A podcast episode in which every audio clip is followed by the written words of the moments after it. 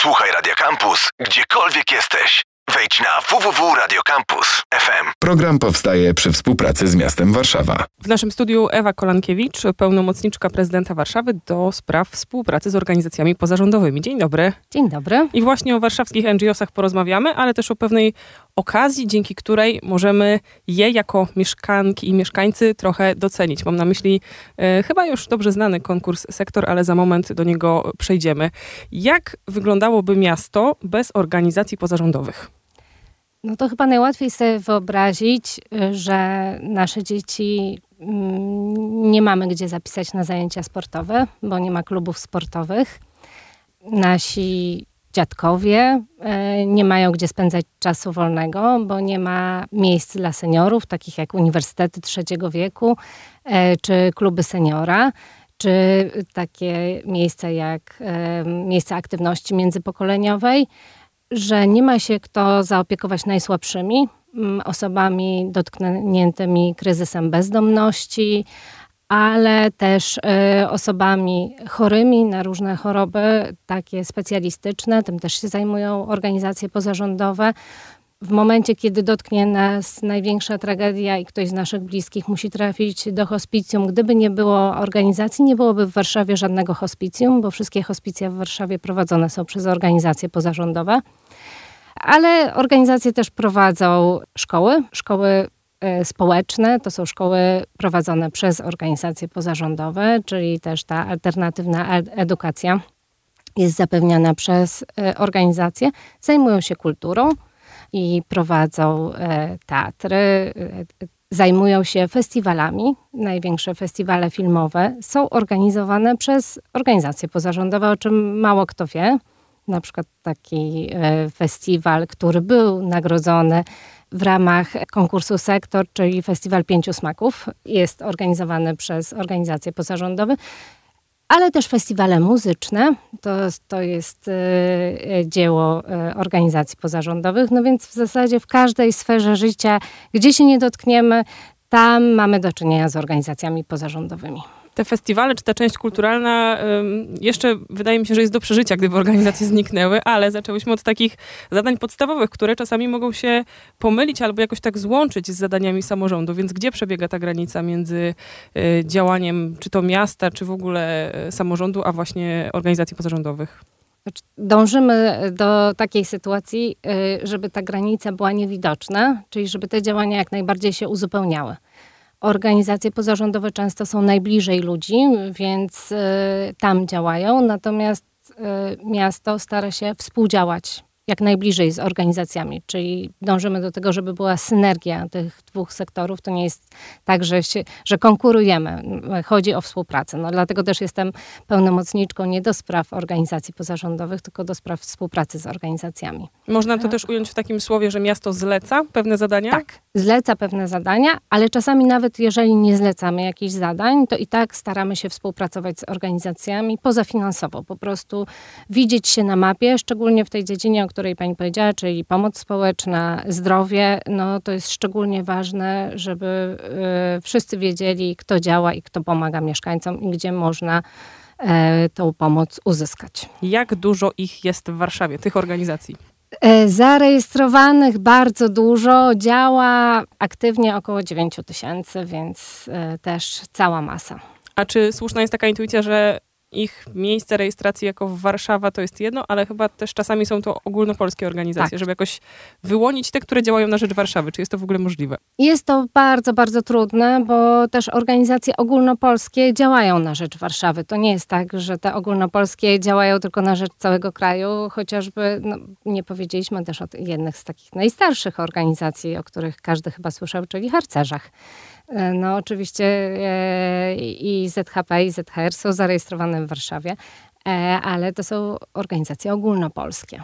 Ale no. działają też na rzecz mieszkańców. Mamy jakiś dominujący profil działalności? Gdyby tak statystycznie na te 14 tysięcy spojrzeć, co nie jest łatwym zadaniem, to mm, od razu za nie... jakie aktywności biorą się najpierw? Nie pamiętam, jak to jest w najnowszych badaniach, co, czy teraz dominuje e, sport, czy y, pomoc społeczna, ale no nie, nie, nie pamiętam, teraz mi to wypadło. Może jeśli przyjrzymy się laureatom albo chociaż zgłoszonym do czy to tegorocznej, czy poprzednich edycji konkursu Sektor, to jakaś odpowiedź nam się nasunie. Do 30 kwietnia, do końca tego tygodnia, jako mieszkańcy, możemy głosować. No i mogłabym powiedzieć, że na swoje ulubione, ale już nie organizacje pozarządowe, bo to zawężona pula, więc proszę nas wprowadzić w to głosowanie.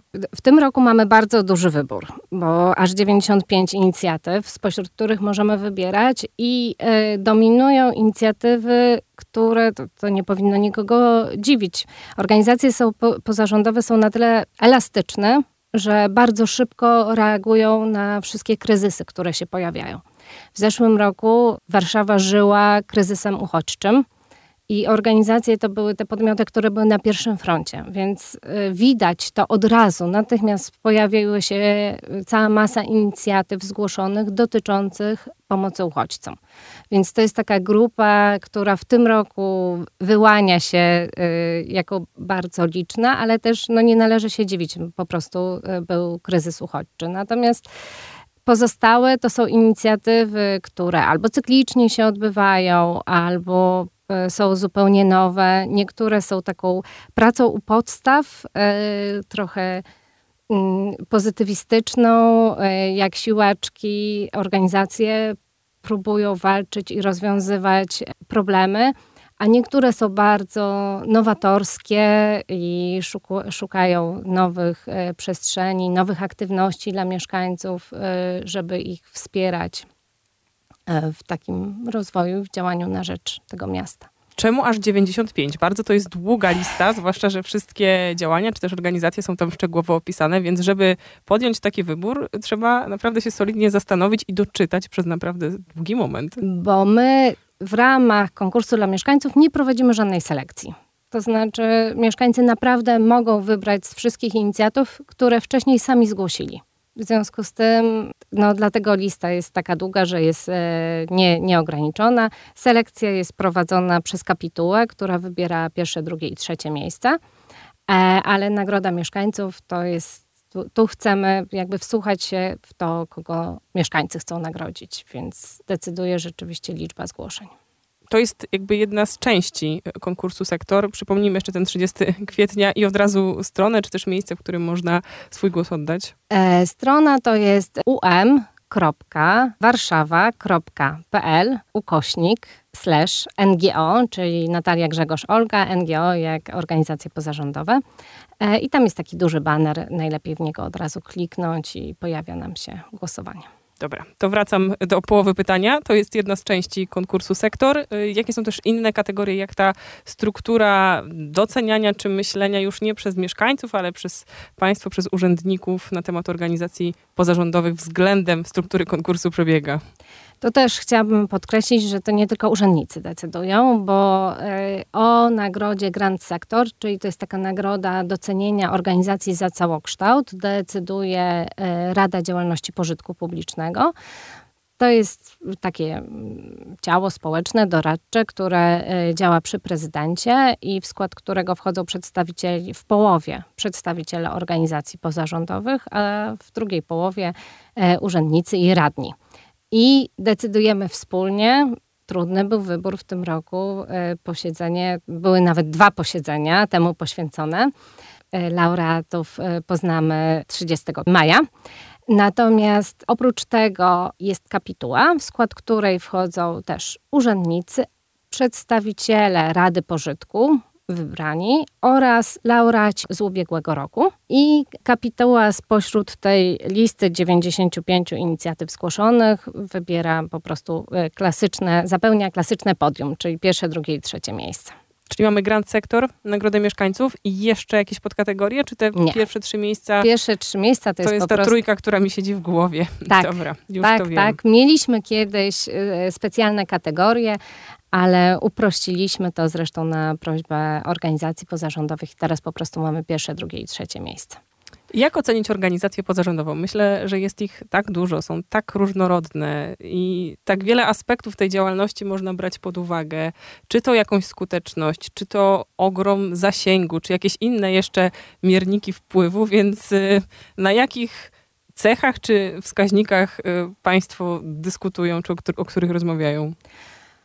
E, no to jeżeli mogę tak zdradzić trochę e, to, jak pracuje kapituła. E, kapituła no w tym roku wiedziała, że tym istotnym elementem jest właśnie to, jak bardzo organizacje zaangażowały się we wsparcie uchodźców. To się też przełożyło na liczbę inicjatyw z, z tej dziedziny zgłoszonych, więc tu mieliśmy y, fokus szczególny y, na tą kategorię zwrócony.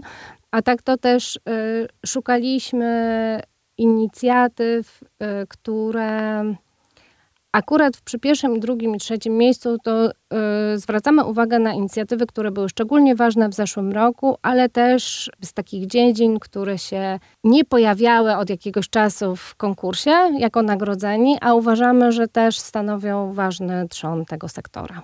Czyli Więc... pojawiały się wcześniej i przetrwały? To są takie aspekty, problemy działalności, które tak. nam towarzyszą po prostu od lat. Tak, tak, więc staramy się, żeby to było też e, różnorodne, ale zawsze dyskusje są zacięte, bo to jest naprawdę bardzo trudny wybór i też no, nie, nie da się porównać po prostu.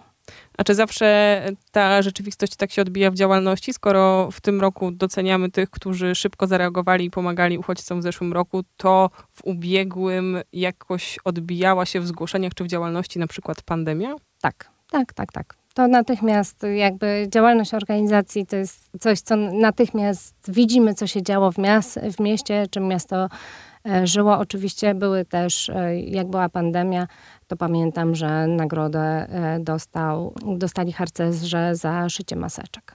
Tych nagrodzonych można sprawdzić z łatwością na stronie, ale takim widocznym symbolem, jednocześnie nagrodą, którą mam wrażenie, że potem organizacje eksponują, gdzie tylko mogą, jest neon sektora, prawda? Już taka statuetka znana od lat i niezmienna. Tak, chcieliśmy, żeby odejść od tradycyjnych pucharów i żeby jako statuetka było coś, co jest E, ozdobą, co może organizacja wyeksponować i jak przychodzą e, do niej osoby korzystające z, z tego, co, co dana organizacja robi, to żeby to od razu też widziały, że ta organizacja dostała nagrodę miejską.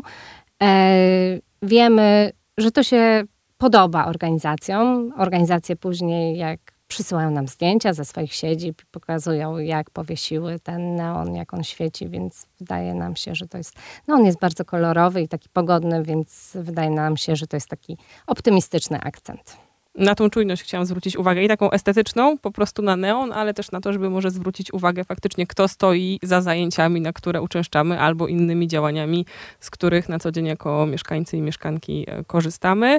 Konkurs sektor. Ja może kwietnia. tylko jedną tak. rzecz dopowiem, że wasze głosy, głosy wszystkich e, mieszkanek i mieszkańców e, przekładają się na bardzo konkretną nagrodę, czyli nie jest to tylko uścisk dłoni, ale I neon, na, i neon ale nagroda mieszkańców od lat, w zasadzie od samego e, początku fundują tramwaje warszawskie i organizacja, która ją wygra, dostanie od e, tramwajów 10 e, tysięcy złotych, które będzie mogła wydać mm, na swoją działalność.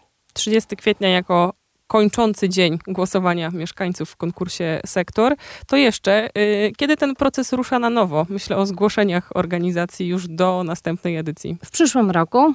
Y, pewnie ruszymy tak jak w tym roku, czyli na początku roku, ale w przyszłym roku, no bo musi się zakończyć rok y, i musimy, jakby organizacje muszą wypełnić swoją misję do końca roku, żeby, żeby można było zgłaszać ich inicjatywy na nowy rok. Ewa Kolankiewicz, pełnomocniczka prezydenta Warszawy do spraw współpracy z organizacjami pozarządowymi. Dziękuję. Dziękuję bardzo. Program powstaje przy współpracy z miastem Warszawa. Tu Campus.